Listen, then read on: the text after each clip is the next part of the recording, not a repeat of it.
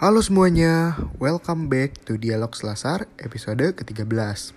Di episode kali ini, gue Bagas Tama Aulia Mahardika dari Biro Hubungan Masyarakat BEM FEB UI bakalan nemenin kalian sekaligus menjadi host di episode kali ini loh. Nah, seperti biasa, podcast kita Sebelum memulai, gue mau nanya dulu nih kabar kalian. Semoga semuanya baik-baik aja dan kita semua diberikan kesehatan dan keselamatan oleh Tuhan Yang Maha Esa. Amin.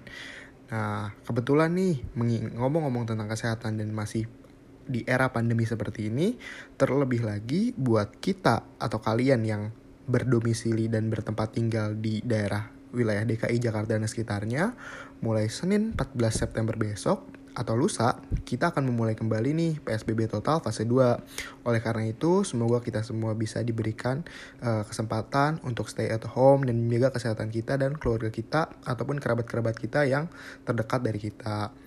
Nah, so yuk kita patuhi protokol kesehatan biar semua uh, pandemi ini cepat berakhir.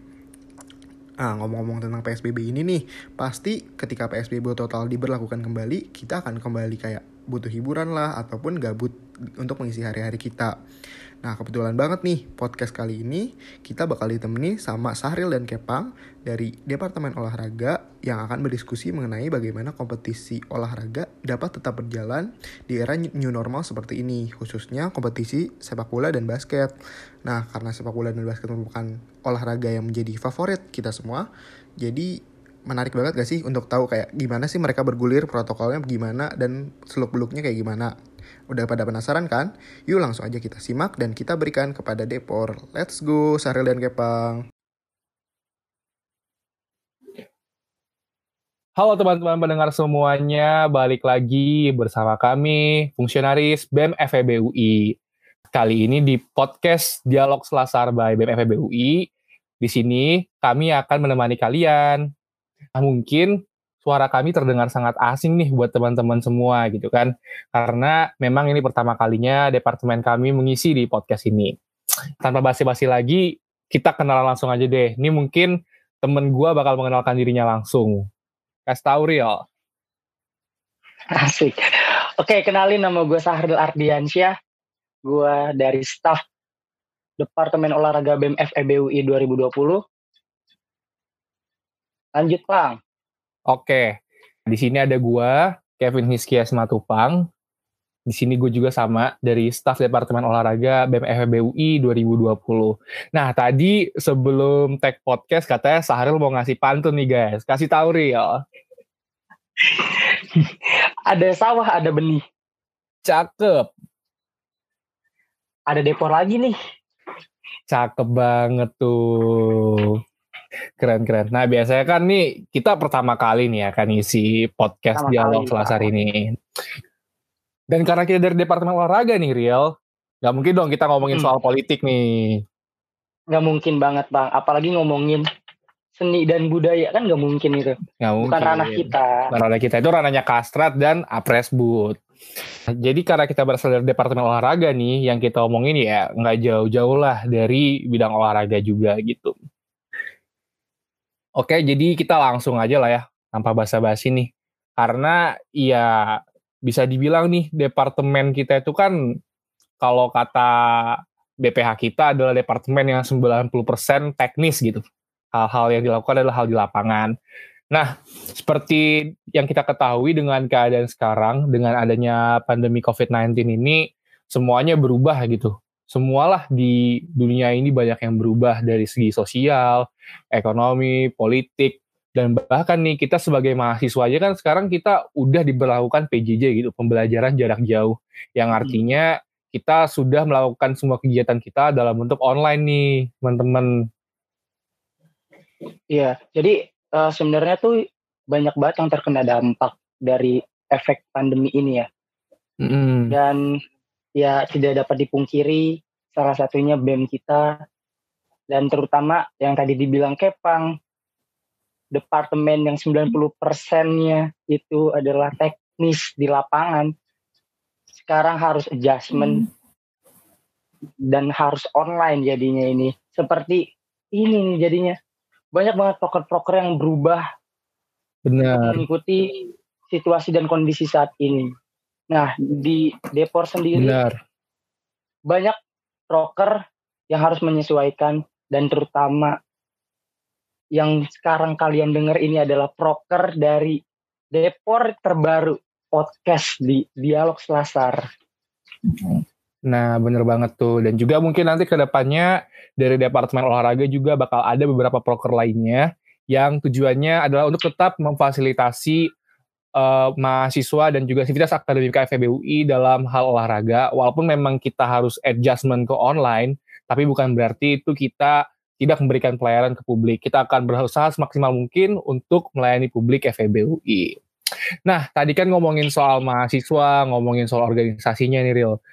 Yeah. Karena kita berasal dari Departemen Olahraga, kita juga harus ngomongin dong, gimana sih olahraga itu terdampak terhadap uh, pelaksanaannya karena ada pandemi ini gitu loh. Pasti banyak banget sih tentang olahraga-olahraga hmm. yang harus dihentikan, yang harus ya menunggu sejenak untuk bergulir kembali gitu. Pastinya hmm, karena emang bener. efek pandemi ini tuh seperti efek domino aja. Nggak oh, cuman ya sosial ekonomi juga tapi olahraga pun juga gitu. Karena olahraga ini sekarang udah menjadi bukan hiburan lagi udah menjadi industri sekarang Ya bener karena di dalamnya banyak banget stakeholder yang terlibat ya nggak cuman tentang atletnya ya. tapi juga tentang supporter tentang orang-orang yang menjual merchandise dan lain sebagainya. Nah, karena kita bakal bahas olahraga, mending kita sekarang mulai mengerucut ke cabang olahraga nih, cabang olahraganya. Hmm, mungkin untuk pertama kita omongin cabang olahraga yang mungkin ini bisa dibilang salah satu yang paling banyak penggemarnya dan paling dikenal sama semua orang di dunia deh. Di Indonesia dan di dunia sama aja lah. Kita apa, kita kasih clue dulu kali ya nih. Gue kasih clue nih clue real. Clue pertamanya dia ada bolanya tuh. Ada bolanya. Mm-mm. Tenis meja bisa. Bisa, benar. Basket bisa. Benar. Pasti juga bisa. Benar. Terus lagi kayaknya, Pang. Clue keduanya dia uh, ada lapangannya. Hmm, ada lapangannya tenis lapangan bisa, bener, bisa, pasti juga bisa. Bener, bisa juga. Terus kalau terakhir nih, nih udah spesifik banget nih. Dimainkan sama 11 orang dalam setim. Ayo olahraga apa lagi yang 11 orang? Oh, udah ketebak nih, udah ketebak nih. Apa tuh? Tidak lain tidak bukan sepak bola pastinya kan Pak? Nah bener banget sepak bola tuh. Karena ngomongin sepak bola juga gue tahu nih Sahril adalah orang yang maniak bola. Kurang lebih sama gitu kayak gue dan mungkin banyak teman-teman di FA yang suka banget nih sama sepak bola. Tapi uh, ngomong-ngomong bola, Bang, kita di sini bukan pandit atau ya yang lainnya lah. Kita di sini cuma mau ngasih informasi aja tentang bola kok. Benar benar. Kita bukannya so tahu, tapi ya kita udah research sih sebelumnya. Yo tapi ya kita cuman apa ya, cuman mahasiswa yang suka bola dan ingin berbagi informasi aja gitu ke teman-teman gitu. Iya. Nah, btw gue pengen nanya nih Ril, kan kita bakal ngomongin bola. Gue pengen tahu sebenarnya tim favorit lu itu apaan sih gitu? Kayak pasti ada dong klub favorit lu gitu adalah pasti Pang. Klub gue ini tuh klub paling terkenal dan paling berharga lah di dunia ini. Waduh, coba bisa dipancing gak tuh ciri-cirinya gimana tuh? Oke, okay. klub pertama identik dengan warna merah. Hmm, warna merah ya. Banyak sih. Bayern Munchen merah, Arsenal hmm. merah, Liverpool juga merah loh. Oke, masih belum ketebak nih. Belum ketebak. Clue kedua. Ketebak. Clue kedua itu pemainnya 11 orang, Pang. Ah, 11 orang. Iya, iya semua klub bola agak 11 oh. sih, Pak, yang main. Mohon maaf nih. Oh, ya kasih yang lebih nih, spesifik dong. Eh, eh, spesifik nih ya, spesifik. Manajernya namanya ada mujair-mujairnya, Pang. Mujair. Waduh, siapa nih? Oh, gue tahu nih, gue tahu nih. Pasti ini klub yang lagi santer dibicarakan karena baru membeli pemain Belanda. Iya bener banget itu Pang. Yo, eh, si pasti Doni, Doni. Pasti ini klub yang belum pernah juara selama beberapa tahun terakhir sudah haus akan gelar. no comment, no comment saya. Betul dong, betul dong, betul dong. Betul banget Bang, betul banget. Tidak lain dan tidak bukan Manchester United ini pasti. Iya bener banget Pang 100 buat lo. Nah, aduh. Tadi lu udah nanya ke gua nih. Gue sekarang nanya ke lu Kenapa itu? Favorit lu tuh. Yang lu ikutin dari kecil, bukan yang karbit-karbitan ya. Oke, ini bener-bener ya gue ngikutinnya dari, gue inget banget dari kelas 1 SD nih. Gue pertama kali ngeliat mereka main dan gue langsung suka. Itu ciri-cirinya dia punya dua warna, dua warna kebanggaan. Kalau tadi kan lu dua merah warna. doang nih, kalau dia dua warna. Iya. dua warna. Kayak Juventus bisa. Bisa. Terus Ajax Amsterdam juga merah putih iya. sih ya? Benar benar. Oke. Okay. Terus kalau keduanya Newcastle bisa Newcastle. Oh iya benar Newcastle bisa. Kedua. Tapi enggak enggak. Ini klub nah, ini apa? tidak seperti itu. Klub ini punya ciri khas lain. Dia punya warna kebanggaan dua dan juga dia bermarkas di Spanyol. Oh, di Spanyol. Atletico Madrid Benar, bisa Atletico Madrid merah putih kan oh. soalnya. Nih, tapi hmm, ada tapi ada clue ya? terakhir nih, ada clue terakhir nih. Pasti langsung okay. tahu. Baru kalah 8-2. Sangat spesifik. Spesifik dong. Saya tidak saya malu tapi ya sudah lah mau diapain lagi. Bagaimana bisa klub sekuat itu dikalahkan 8-2, dicukur 8-2? kurang malu apa itu ya. Namanya juga orang dagang nggak ada yang tahu ya kan? But anyway nih kita udah ngomongin soal bola tadi udah bridging juga soal klub nih. Nah gue pengen tahu dong real sebagai orang yang ngikutin bola banget nih gue tau lah keseharian lu gimana kalau udah soal bola gitu. Uh, gimana sih penyelenggara penyelenggara liga itu dalam menanggapi pandemi COVID-19 ini. Mungkin kita kalau ngomongin soal liga biar lebih enak kita ke kiblatnya sepak bola saat ini ya, sepak bola modern itu di Eropa gitu. Jadi talking about football league biasanya orang akan langsung ngelihat ke Liga Inggris, Spanyol, Italia, uh, Prancis, Jerman dan juga Belanda gitu. Itu gimana ceritanya coba? Oke, Bang. Ini uh, bicara tentang bola ya. Bener banget kata Lupang emang ya kiblat sepak bola dunia itu sekarang ada di Eropa gitu. Nggak bisa dipungkiri dengan adanya pandemi ini, sepak bola di Eropa tuh nggak fine-fine aja, pasti bakal nyesuain gitu. Nah, ketika lagi pandemi seperti ini, banyak banget liga-liga top Eropa seperti ya Liga Inggris, Liga Spanyol, Liga uh, Prancis, ataupun Liga Italia juga pasti bakalan berhenti. Ini tuh berhenti bukan sembarangan berhenti, tapi berhentinya ini tuh untuk menyesuaikan, untuk meredam ya penyebaran virus corona sih di dunia ini. Hmm. Nah, yang gue tahu liga-liga top Eropa ini tuh sempat terhenti sekitar bulan Juni atau Juli. Nah, itu tuh bener-bener berhenti dari ya segala match sisa match yang ada di liga tersebut dan akhirnya tapi pang ya karena yang tadi gue bilang ini tuh industri gitu nggak mungkin hmm. berhenti begitu aja gitu akhirnya liga-liga tersebut bergulir lagi pang hmm. nah itu udah banyak banget ditunggu-tunggu oleh pasti penggemar di dunia ini karena banyak banget kan penggemar sepak bola nomor satu di dunia bahkan.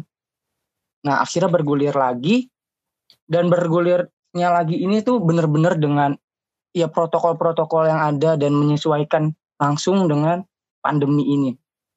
Hmm. Kayak seperti Liga Inggris ataupun Liga Spanyol gitu. Dia bener-bener memperhatikan banget sih. Nah ini gue seneng banget sih Pang karena udah bergulir Kenapa? lagi gitu. Gue bisa nonton bola gue beberapa bulan nontonin bola ya nggak ada ada nontonnya jadinya sinetron Netflix atau apa pun itu tuh. Ini akhirnya bola gitu balik lagi. Akhirnya gue bisa begadang lagi pang akhirnya gue bisa ya ngomongin bola lagi lah. Iya bener sih bener. Nah iya bener banget. Tadi gue juga udah sempet baca tuh soal pemberhentian beberapa liga. Dan semuanya itu emang ada yang mengambil kebijakan berbeda-beda gitu loh.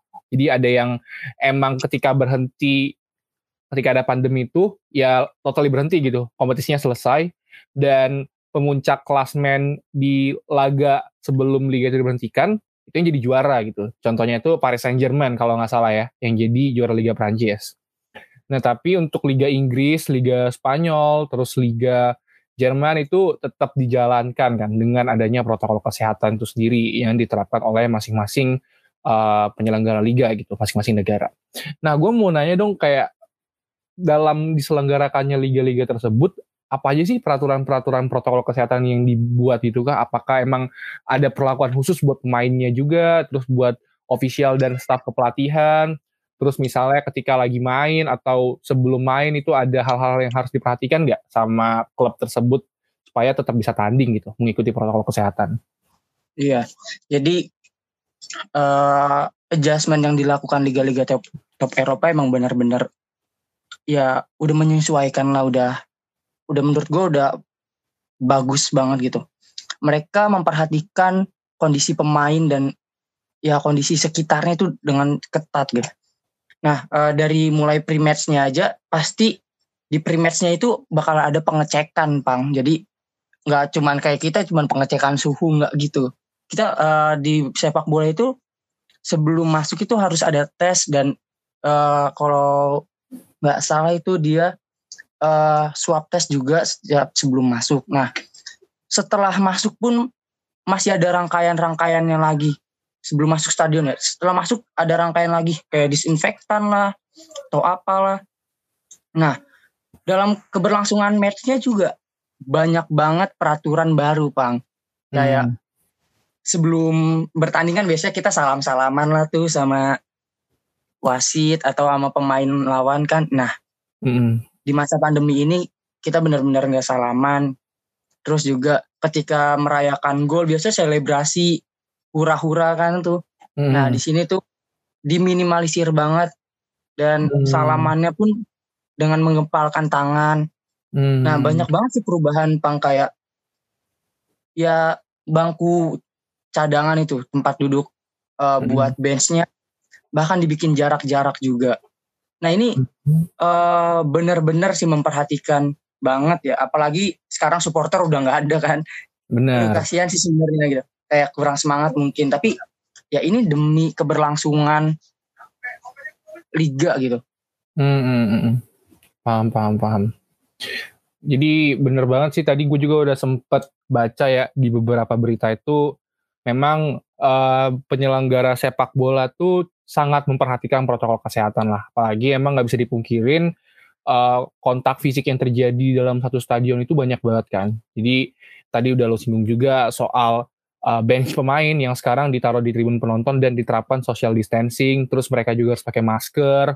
Terus uh, kalau nggak salah sempat di awal-awal banget ada water break tapi habis itu udah nggak ada lagi ya, cuma di awal-awal doang.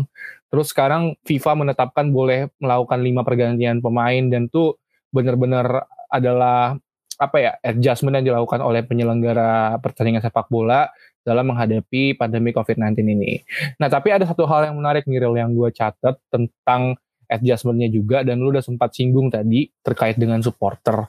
Nah, menurut lu gimana sih point of view dari seorang pemain? Karena gue tahu lu seorang pemain bola juga kan, lu hmm. ikut turnamen, yeah. lu ikut olim gitu kan. Point of view supporter dalam sebuah pertandingan sepak bola tuh seurgent apa sih menurut lu gitu? Oke. Okay. Oke, okay, uh, eh, kalau buat supporter ya, gue ngerasain ketika pas Olim, supporter itu emang bener-bener memegang peranan yang penting sih menurut gue, Pang. Mm. Supporter ini tuh bisa memberikan efek yang ya magis sih bisa dibilang. Kayak mm. gue udah capek pada saat itu, gue udah bener-bener lelah karena jadwal yang agak padat juga. Tapi dengan teriakan-teriakan mereka, pemberian semangat dari mereka, bener-bener langsung menyuntik semangat gue bang gue langsung ya lo lu lihat aja ketika final uh, olim itu semua hmm. udah bener-bener capek karena kita benar-benar main full tapi dengan teriakan semangat dengan ya ucapan yel-yel mereka itu benar-benar langsung wah langsung seger lagi sih bang hmm. jadi nggak hmm. bisa dipungkiri mau sepi mau rame supporter tetap aja bang supporter punya peranan yang penting sih menurut gue Nah, iya iya iya. Nah, artinya kan pasti pemain-pemain bola profesional di luar sana juga merasakan hal yang sama kan dan gue juga tahu banget gitu loh iya. atmosfer supporter dalam sebuah stadion ketika bertanding itu gimana. Nah, sekarang kan supporter uh, tidak diperbolehkan gitu ya. Artinya ya nggak mungkin kalau misalnya let's say kapasitas satu stadion 88 ribu terus ada 88 ribu orang nonton dan tiba-tiba ada satu orang yang positif gitu kan tuh bakal repot banget semuanya bakal hmm. harus di tracing segala macem gitu kan. Nah, sekarang tuh lu bisa kasih tahu nggak sih gimana klub-klub dan juga penyelenggara liga tuh uh, mengatasi hal tersebut gitu karena di satu sisi supporter juga penting tapi ya di sisi yang lain kita harus menerapkan protokol kesehatan gitu. Iya. Jadi uh, di liga-liga yang udah gue lihat, pang seperti liga top Eropa dan beberapa liga di dunia uh, banyak banget gitu adjustmentnya dan unik-unik caranya, pang. Hmm. Ada yang pakai layar gitu, green ah. screen kayak zoom. Terus juga ada yang masang fotonya di bangku penonton. Hmm. Terus ada juga uh, yang nonton lewat gedung di luar stadion itu ada bang. Banyak hmm. banget. Pastinya ya supporter gak mau meninggalkan klubnya begitu aja bang. Pasti dia bakal cari cara lain. Begitu juga klubnya bang. Jadi mereka bakal usahain banget untuk supporter ya tetap dikasih lah jalannya untuk mendukung klub tersebut. Hmm. Nah, uh, alhamdulillahnya, Pang, dekat-dekat ini tuh supporter udah mulai ada yang boleh, Pang. Karena hmm. sekarang udah kita masuknya pramusim ya, Pang ya. Iya. Yeah. Nah, udah mulai ada yang boleh, tapi itu dengan ya ketat banget, Pang, untuk hmm. ngikutin protokol kesehatannya. Hmm. Nah, terus juga sebenarnya ya kalau supporter sendiri nih bang itu tuh Indonesia sih seharusnya bisa bisa banget uh, ya bisa ngejudgment juga seperti liga-liga top Eropa lainnya gitu. Karena sekarang kan masih belum bergulir nih ya Liga 1. Mm-hmm. Nah bisa banget tuh bisa ngikutin kayak layar green screen atau apa pun itulah. Semoga mm-hmm. aja nanti Liga 1 bisa lah. Nah nggak cuman itu Pang. Uh, supporter ini tuh bahkan ya uh, setiap klub ngerekam yel-yel dan sorakan-sorakan dari setiap supporter mereka, Bang. Oh, Jadi biar keadaannya tuh rame gitu. Biar lebih ya euforianya tuh dapet lah para pemain. Gak mungkin bener-bener ditinggal gitu aja. Ya yeah, iya, bayangin yeah. aja gitu. Lagi main bola cuma dengernya teriakan pelatih. dengernya lagi teriakan pemain. Ya bosen yeah. gak sih? Bener, bener, bener. Ya lebih baik kan ada suara-suara penonton gitu banyak sih yang bekerja sama gitu dengan ya ya sport atau yang lainnya tuh untuk ngerekam suara supporter dan diputar di stadionnya langsung gitu. Iya, iya paham, itu paham. Sih, bang. Menarik ya, karena jadi itu merupakan win-win solution sih kalau yang gue tangkap di satu iya. sisi uh, kita tetap bisa nerapin protokol kesehatan dan juga mungkin sekarang kalaupun udah ada supporter yang bisa masuk di laga pramusim itu masih dalam jumlah yang sedikit dan dengan protokol kesehatan yang sangat ketat kan itu benar-benar ada social distancing segala macam tuh nah karena nggak bisa dipungkiri seketat-ketatnya udah dilaksanakan protokol kesehatan itu pun sekelas liga-liga top Eropa itu pemain profesional masih ada yang kena setahu gue ya nggak real iya benar banget. Itu ada yang baru kena tuh bang iya siapa tuh kalau lo tahu yang baru kena? Itu tuh clue-nya gini aja pak gampang. Apa itu? clue-nya itu pemain dari runner up Liga Champion. Ya yang kemarin baru kalah Munchen iya itu oh alah ada tuh pang pemainnya tuh pang banyak pang bertiga ya kalau nggak salah kenanya ya ramean tuh Hmm, kena ada yang kena lagi katanya kabarnya tuh bang. Waduh, iya sih itu karena mereka satu bubble kan artinya kalau satu positif satu ya semuanya harus dites gitu, semuanya harus harus dites benar. Iya. Ya, maksud gua tuh gini loh, sekelas pemain profesional yang nutrisinya dijaga, olahraganya ketat, fisiknya dijaga, harus sehat, semuanya lah pokoknya dari segi kesehatan tuh dijaga banget mereka bisa kena gitu. Sekelas Neymar Junior bahkan Neymar Junior yang kemarin kalah di final Liga Champions yang lu bilang tadi pemain Paris Saint-Germain dia bisa positif gitu. Nah, apalagi kita-kita ini nih, ya kan? Hmm. Kita-kita ini nih. Udah makanannya orek tempe, makanannya telur balado gitu. Iya kan? gitu. Iya, makanya jadi menurut gua ya mau apa pun itu yang paling bisa dilakukan adalah kita harus tetap benar-benar disiplin dalam melaksanakan protokol kesehatan gitu. Nah itu kan artinya kalau misalnya dia uh, masih bisa terinfeksi, ada saat di mana dia mungkin lengah untuk tidak melaksanakan protokol kesehatan, dia nggak pakai masker, dia nggak jaga jarak sama orang, malah cuci tangan gitu kan. Nah jadi mungkin nih buat teman-teman pendengar sekalian, kita mau ngasih apa ya semacam anjuran aja sih kayak pemain profesional yang setiap harinya dijaga, dilatih, dan benar-benar fisiknya itu uh, di maintain supaya tetap sehat, itu bisa kena karena dia nggak disiplin dalam menjaga protokol kesehatan. Apalagi kita-kita yang sehari-hari ini uh, aktivitasnya sekarang berada di era new normal gitu dan sangat rentan untuk terinfeksi COVID-19. Jadi kita harus benar-benar disiplin dalam melaksanakan protokol kesehatan. Ya nggak, Riel? Setuju banget, Bang. Tuh, gitu. jangan berkumpul-kumpul seperti ya pemain-pemain Paris Saint-Germain tadi. Benar. Jangan hura-hura padahal kalah gitu. Jangan, jangan. Aduh, benar benar banget, benar banget. Ya dibatasin dulu lah kegiatannya gitu. Tapi real nih tadi menarik nih. Lu tadi sempat nyinggung, tadi sempat nyinggung soal pelaksanaan liga di Indonesia which is Liga 1 yang mana lu bilang uh, semoga Liga 1 bisa mengikuti apa yang dilakukan oleh klub-klub di Eropa sana atau di luar negeri sana. Nah sebenarnya sampai sekarang gimana sih uh, penyelenggara Liga 1 tuh menyikapi adanya pandemi ini? Karena kan pasti berhenti. Cuman apakah emang ada uh, langkah lebih lanjut yang akan diambil oleh penyelenggara Liga? Oke, sebenarnya buat langkah lebih lanjut harus ada lah ya. Karena ini Liga 1 udah molor berapa lama gitu. Nah, di tengah pandemi ini Indonesia kan masih ya bisa dilihat angka penambahan kasusnya tuh masih tinggi. Hmm. Tapi di samping itu sepak bola juga harus tetap jalan. Nah mau nggak mau PSSI dan klub-klub Liga Indonesia seharusnya bisa adjustment seperti klub-klub di Liga Top Eropa atau ya seenggaknya klub ya di ASEAN lah sendiri tuh udah banyak yang mau mulai bergulir.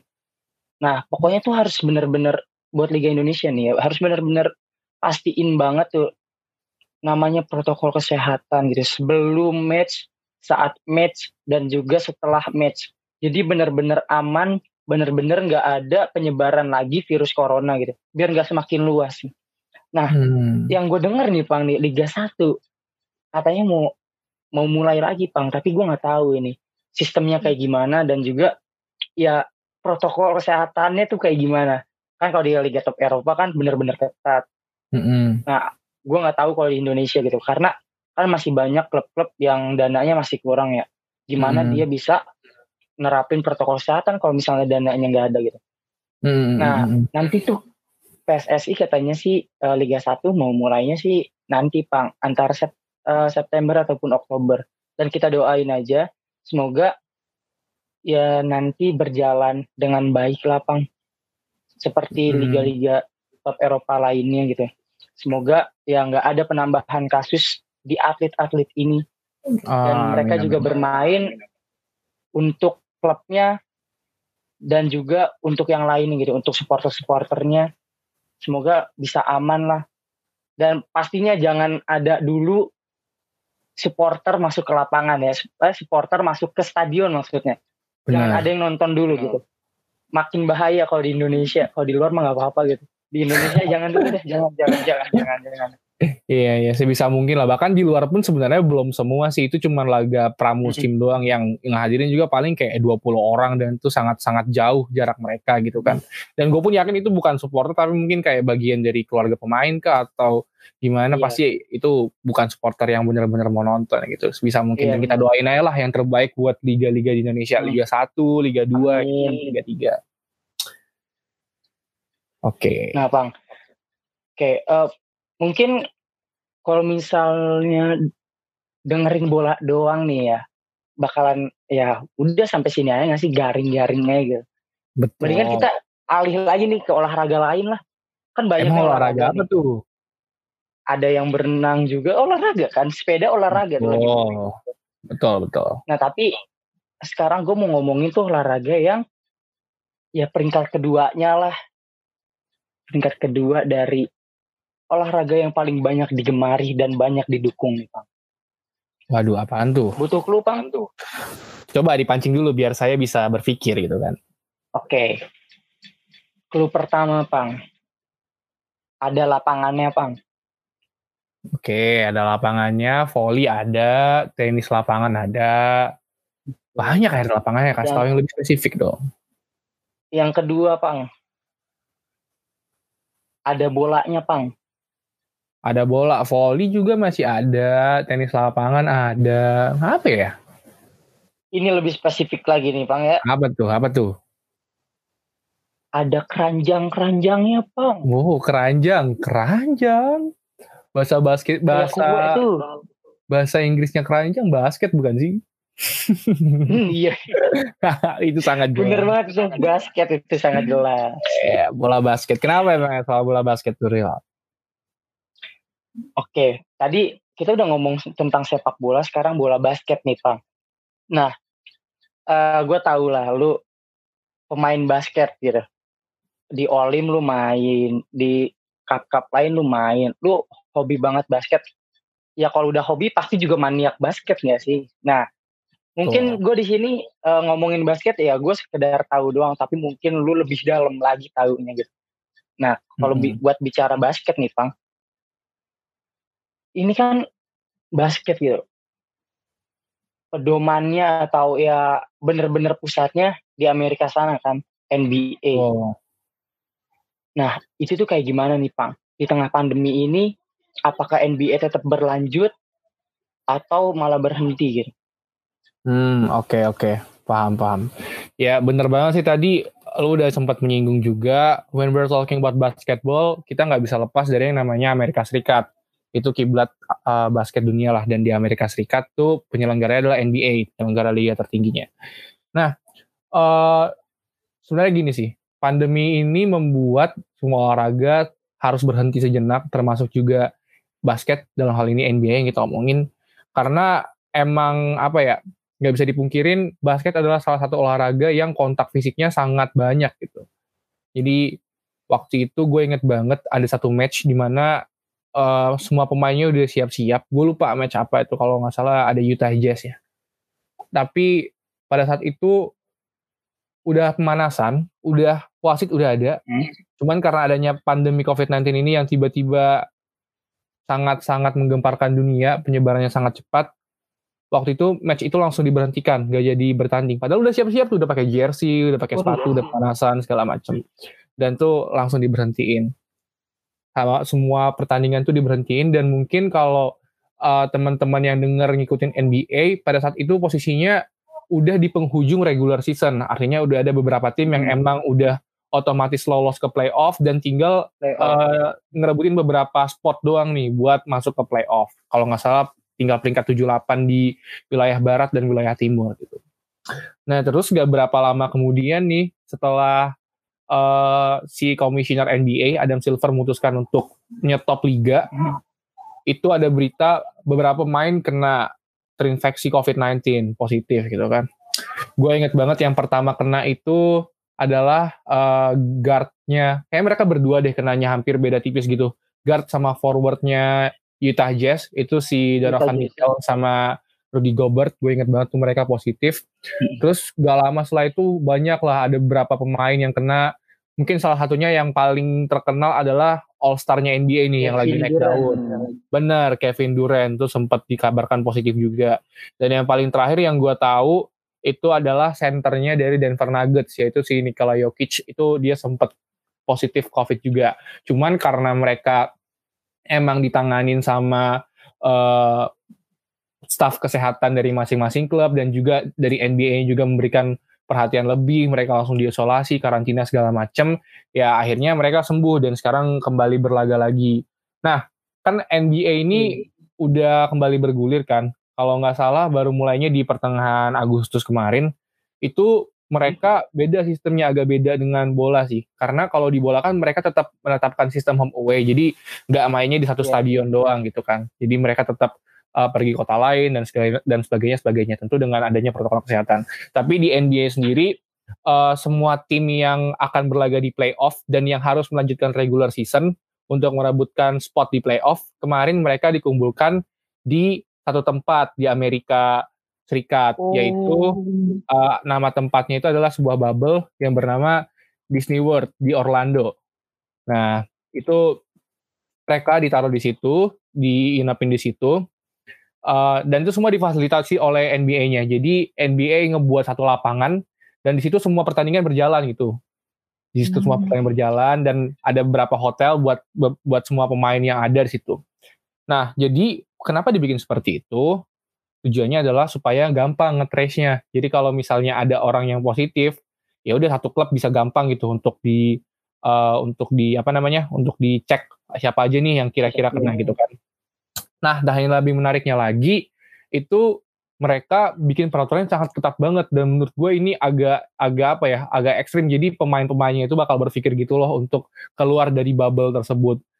Nah kalau mereka udah masuk ke dalam nih udah melewati semua proses protokol kesehatan, udah swab test. Mereka juga habis swab test kalau masuk ke dalam tuh di karantina sendiri beberapa hari gitu, dalam tiga hari. Hmm. Misalnya nih, ada satu orang pemain keluar dari bubble itu, ketika mereka mau masuk, itu mereka akan di swab test lagi dan di karantina selama 10 hari. Sedangkan banget itu, Di jadwal NBA itu sangat padat. Kayak lu bisa main dalam yeah hari yang selang-seling gitu. Misalnya hari ini main, lu besok istirahat, besoknya lagi main. Artinya kalau lu harus dikarantina 10 hari hanya dengan lu keluar dari bubble itu, ya lu akan melewatkan waktu bermain lu kan. Jadi itu sangat iya. benar-benar yeah. merugikan pemain dan juga merugikan penonton gitu. Nah akhirnya semua pemain itu ya udah cuman stay di Disney World doang, nggak keluar-keluar. Cuman memang NBA memberikan fasilitas lah kepada semua atlet yang terlibat dan juga staf kepelatihan dan ofisial juga tentunya supaya mereka nggak bosen. Jadi mereka di dalam tuh benar-benar dibuat seperti dunia baru lah. Dan Disney World kan emang kayak semacam theme park gitu kan setahu gue. Jadi mereka iya. tidak terlalu bosan di dalam itu dan tetap ada fasilitas latihan juga di dalam gitu. Keren banget sih Pang. Ini bener-bener NBA ya. Jadi ya patut banget dicontoh lah untuk olahraga-olahraga lain terutama juga buat basket ya di Indonesia gitu ya. Benar benar. Karena uh, menurut gue ini keren banget sih kayak dipindahin ke satu tempat dan jadi satu bubble, jadi kayak bikin kompleks sendiri lah ya. Benar jadi, benar banget. Dijaga dengan ketat, sekalinya keluar lu ngelewatin 5 match. No. Kurang iya, kan? apa dan kurang ketat apa gitu ya. Benar benar. Nih, gue uh, sangat kagum sih dengan uh, eh, NBA ini nih punya idenya Benar. tuh bagus banget sih. Nah, Pang, tadi kan gue mau uh, lu nanya gue tentang supporter kan ya di bola. Mm -hmm. Nah, kalau supporter di NBA itu kayak gimana nih, Pang? Apakah sama euforianya dengan di bola? Oke. Okay. Kalau supporter ya, mungkin gue bakal ngomongin soal supporter in general dulu nih berdasarkan pengalaman gue juga nih. Kayak gue main basket, gue ikut beberapa turnamen dulu pas SMA pada saat masa-masa gue masih zaman-zaman apa ya bahasanya prime time. Gila gak tuh prime time? Jadi ya menurut gue keberadaan supporter tuh bener-bener bisa menjadi suatu pemantik energi lah buat pemain basket itu nggak bisa dipungkirin teriakan-teriakan mereka, yel-yel mereka gitu. Apalagi ketika kita lagi defense kan. Kalau di basket itu identik banget tuh kalau lagi defense diteriakin defense, defense gitu kan. Jadi kayak iya. itu bikin kita semangat gitu loh buat defense dan nggak membiarkan lawan buat nyetak skor ke ring kita gitu. Dan mungkin gua pun merasa hal yang sama di NBA gitu. Di NBA itu wah gila sih euforia supporter apalagi kan emang orang-orang di Amerika adalah penggemar basket nomor satu kan. Artinya Yeah. Kalau di mereka tuh basket olahraga nomor satu lah, nomor dua baru bola gitu, nggak seperti di Indonesia dan beberapa negara lainnya gitu. Karena memang basket berasal dari Amerika Serikat. Jadi Amerika. Ya, jadi kayak uh, kalau ditanya euforia gila banget sih di sana. Gua sering banget tuh merhatiin kalau misalnya misalnya let's say main di Los Angeles gitu, Los Angeles lawan Miami gitu. Ketika Miami lagi free throw misalnya pemainnya lagi dapat free throw itu bakal diteriakin bakal dibu istilahnya dibuin tuh sama supporter diteriakin biar nggak masuk. Nah itu bener-bener ngefek sih ke mental pemain kayak di satu sisi pemain yang didukung bakal semangat banget tapi pemain yang uh, jadi tandangnya lah istilah yang ber, bertandang ke lawannya itu kayak bakal di challenge banget tuh mentalnya. Nah di situ sih peran supporter tuh sangat dominan lah menurut gua gitu. Nah, di tengah pandemi ini nih, Pang, supporter kan sekarang kan pasti uh, di NBA juga nggak boleh masuk kan ya, nggak boleh dukung langsung. Nah, Benar. penerapannya tuh kayak gimana sih, Pang, di NBA? Nah, iya kan, jadi kayak yang udah gue bilang tadi, di bubble yang dibuat di NBA itu, di Disney World, itu benar-benar terbatas orang yang bisa masuk. Itu cuman uh, staff kepelatihan, ofisial, terus pemain, dan kalau nggak salah masing-masing pemain atau staff gitu-gitu cuman boleh bawa satu orang doang ke dalam. Jadi kayak misalnya mungkin dia mau bawa istrinya atau bawa anaknya satu orang. Itu boleh, tapi juga harus melewati protokol kesehatan, swab test segala macam gitu kan. Nah, tapi kalau soal supporter itu benar-benar nggak ada sih. Jadi yang gue lihat setiap pertandingan NBA itu ya cuman pemain doang gitu yang main terus uh, si pemain cadangan juga di tepi lapangan itu ada social distancing gak sedekat dulu ada jarak antar bangkunya. Dan ngomong-ngomong soal supporter ya bener-bener gak ada gitu bener-bener kosong gak ada yang orang teriak-teriak oh. bener-bener tidak ada orang dari luar yang masuk. Nah cuman NBA berinovasi memang sama kayak di bola. Ya konsepnya kurang lebih sama sih kayak tetap ada suara-suara supporter tetap ada uh, lagu-lagu yel-yel segala macam dan yang paling menarik di sepanjang per, uh, lapangannya itu yang berbentuk segi panjang, kalau dari atas itu hmm. ada layar gede gitu loh yang memanjang dan itu ditampilkan muka-muka supporter yang lagi nonton secara virtual dari rumah masing-masing gitu. Jadi kesannya pemain ngerasa tetap ada supporter yang melihat mereka dan mendukung mereka gitu. Keren, keren, keren, keren. Hampir sama tapi uh, penerapannya emang beda gitu. Benar, nah, benar. Bang, uh, sekarang kan kita nih NBA ya lagi masa-masa playoff nih ya sekarang pas Benar. podcast nih ya. Nah di playoff ini lu ada jagoan gak sih buat yang maju ke final?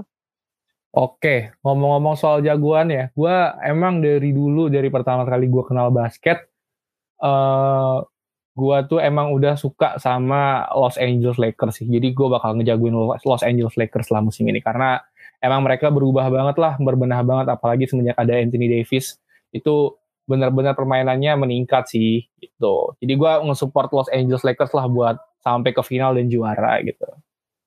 Oke, apalagi ada abang gue di situ ya. Siapa bang lu? James. Buset, keren. nah, uh, gue juga punya jagoan sih sebenarnya. Siapa itu? Siapa itu? Buat ke final. Ya sebenarnya hampir sama kayak lu. Eh sama, bukan hampir lagi sama kayak lu, Pang. Keren. Gue nggak dukung LA Lakers sih buat buat maju ke final gitu. Gue di sini iya. uh, tahu basket dan ya ya ini aja sih nggak terlalu dalam tapi gue suka banget Lakers bukan karena gue kardit gitu.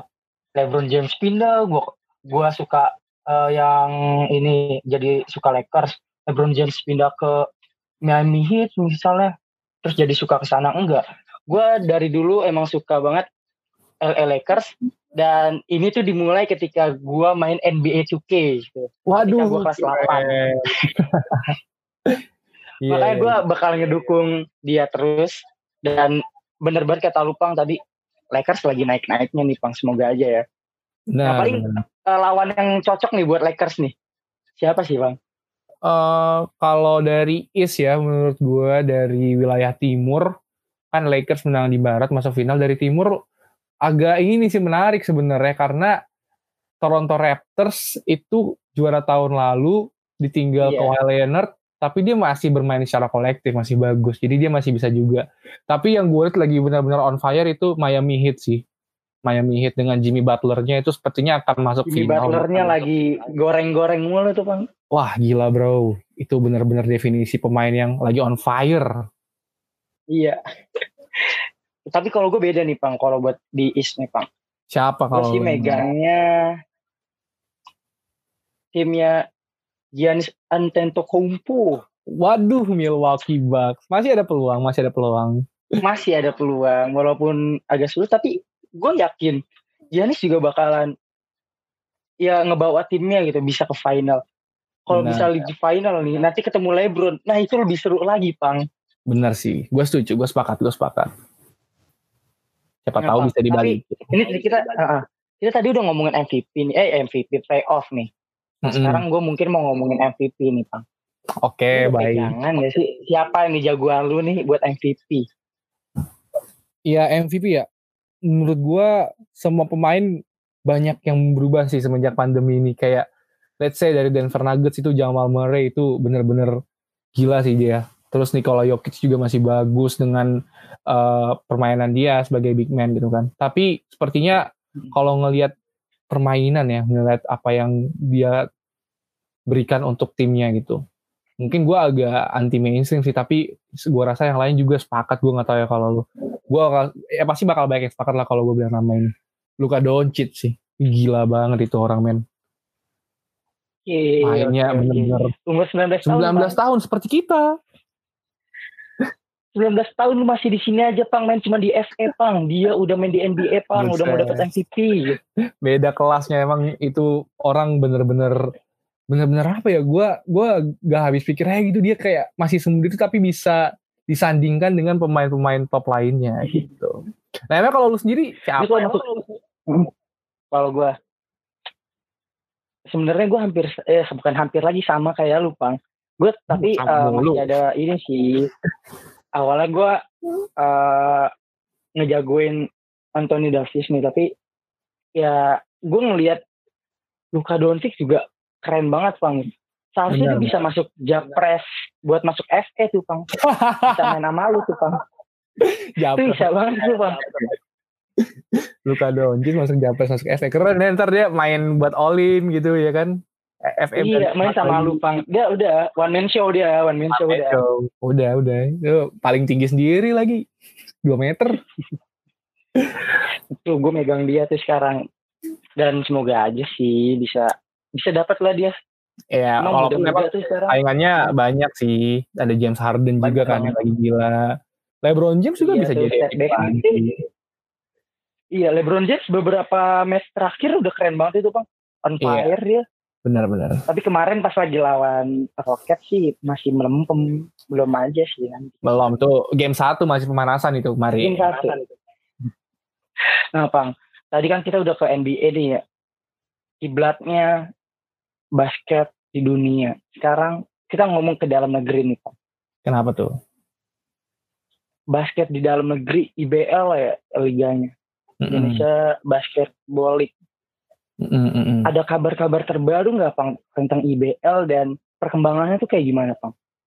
Nah ya benar banget real. Jadi di Indonesia itu ada liga yang merupakan kasta tertinggi kompetisi bola basket namanya Indonesian Basketball League gitu kan IBL.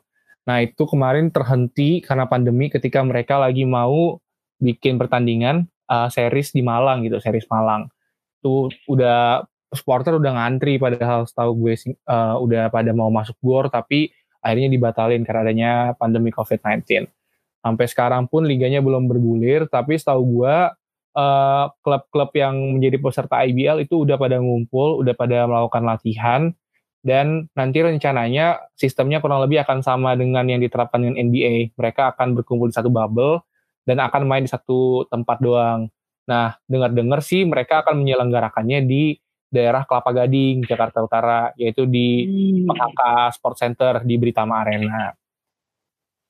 Jadi kemungkinannya gue dengar seperti itu sih dan untuk berjalannya lagi kemarin terakhir gue baca ada yang bilang bakal jalan di sekitaran bulan Oktober nanti. Ya kita doain aja lah dan kita lihat karena menurut gue musim ini cukup kompetitif sih dan sangat sayang kalau untuk dilewatkan gitu. Iya, semoga aja Pang bisa uh, berjalan ya, uh, baik itu sepak bola, baik itu basket, ataupun olahraga lainnya yang sempat terhenti, semoga bisa bergulir lagi lah di Indonesia. Amin Karena, banget. Ya kita sebagai penikmat, uh, pecinta olahraga, ya sangat senang gitu, apalagi uh, bola udah bisa main gitu. Kalau buat gue ya, apalagi bisa ngelihat ya tim Persija atau tim-tim lainnya tuh bisa main lagi tuh. Iya. seneng banget sih. Benar-benar. Nah, semoga aja Indonesia tuh lebih adaptif lagi lah, bisa ngejustment lah. Setuju. Sehingga, ya industri ini tuh industri olahraga sepak bola, basket, badminton dan lainnya tuh udah bisa berjalan karena di situ banyak orang-orang yang harus berhenti pekerjaannya. Bener banget, setuju banget gue sama Lorel. Nah, kan tadi kita udah ngomongin olahraga uh, bola terus basket nih, Bang. Lu hmm. mungkin ada pesan-pesan gak sih, Bang, buat para pendengar nih? Iya, buat teman-teman semua ya yang ngedengerin, kita udah tahu lah, ini pandemi COVID-19 sangat-sangat membuat dampak yang sangat besar dalam kehidupan kita. Tadi kita udah ngomongin dari sektor olahraga, gimana para penyelenggara liga di liga-liga sepak bola Eropa itu melakukan adjustment, gimana pada apa gimana NBA itu membuat adjustment juga buat para pemainnya sehingga bisa bergulir gitu kan. Nah, menurut gue di sini yang patut kita highlight adalah gimana kita menyikapi adanya pandemi ini. Memang semuanya berubah, semuanya butuh adjustment, tapi itu bukan berarti kita harus menyerah dengan keadaan. Ya kita harus tetap produktif, harus mau ngelawan keadaan ini semua. Dan yang paling penting, kayak yang udah kita singgung tadi, kita harus tetap disiplin dalam menerapkan protokol kesehatan. Karena tadi semua pemain-pemain, semua atlet-atlet profesional yang udah kita sebut, yang udah gue sebut dan Sahil sebut tadi, itu gak ada yang tidak diperhatikan nutrisinya. Tidak ada yang tidak melakukan kegiatan olahraga. Semuanya itu melakukan hmm. pola hidup sehat. Cuman mungkin ada momen-momen di mana mereka lengah dalam melaksanakan protokol kesehatan. Maka dari itu uh, gue dan juga Sahril kita sebagai perwakilan dari Departemen Olahraga ingin mengajak teman-teman semualah untuk uh, tetap melaksanakan protokol kesehatan yang udah ditetapkan. Kalau ke mana-mana pakai masker, bawa hand sanitizer, rajin cuci tangan, dan tetap melakukan social distancing di public places gitu. Itu sih kalau. Oke, nah uh, bener banget tuh tadi kata Kepang bagaimanapun ya kita juga harus tetap disiplin lah terhadap diri kita sendiri untuk jaga-jaga gitu. Biar kita nggak kena yang namanya itu virus COVID-19 ini. Dan semoga kita terhindar lah dari itu. Yang penting kita harus jaga diri masing-masing dulu. Jaga jarak cuci tangan terus juga kita juga harus pakai masker ya intinya. Benar benar. Oke, nah, Pang, uh, mungkin Pang sekarang kan uh, kita nih ya lagi masa pandemi ini. Hmm. Nah, uh, ada nggak sih pesan-pesan juga buat para pendengar gitu untuk tetap berolahraga, Bang? Karena emang agak sulit olahraga ketika pandemi kayak gini. Nah, iya bener banget. Kan kita dianjurkan untuk tetap berolahraga karena dengan olahraga kita bisa sehat dan mendapatkan imun yang lebih kuat gitu kan. Artinya ketika hmm. kita membicarakan soal COVID-19, mereka kan menyerang sistem kekebalan imun kita. Kalau kita kuat sebenarnya ya it's okay gitu. Maka kita akan tetap sehat-sehat aja.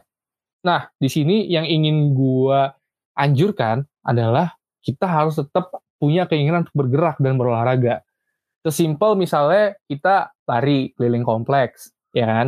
Atau jalan tiap sore ya at hmm. least setengah jam gitu itu benar-benar membantu kita melancarkan peredaran darah kita terus ya benar-benar membuat kesehatan kita jadi lebih enak lah gitu mungkin buat teman-teman yang jam tidurnya susah dengan berolahraga bisa lebih cepat tidurnya jadi lebih teratur untuk tidur jadi kayak sebenarnya nggak harus iya. yang olahraga ke lapangan untuk main basket untuk main bola main futsal enggak sih kita bisa melakukan olahraga kecil-kecilan sebenarnya di lingkungan sekitar kita gitu.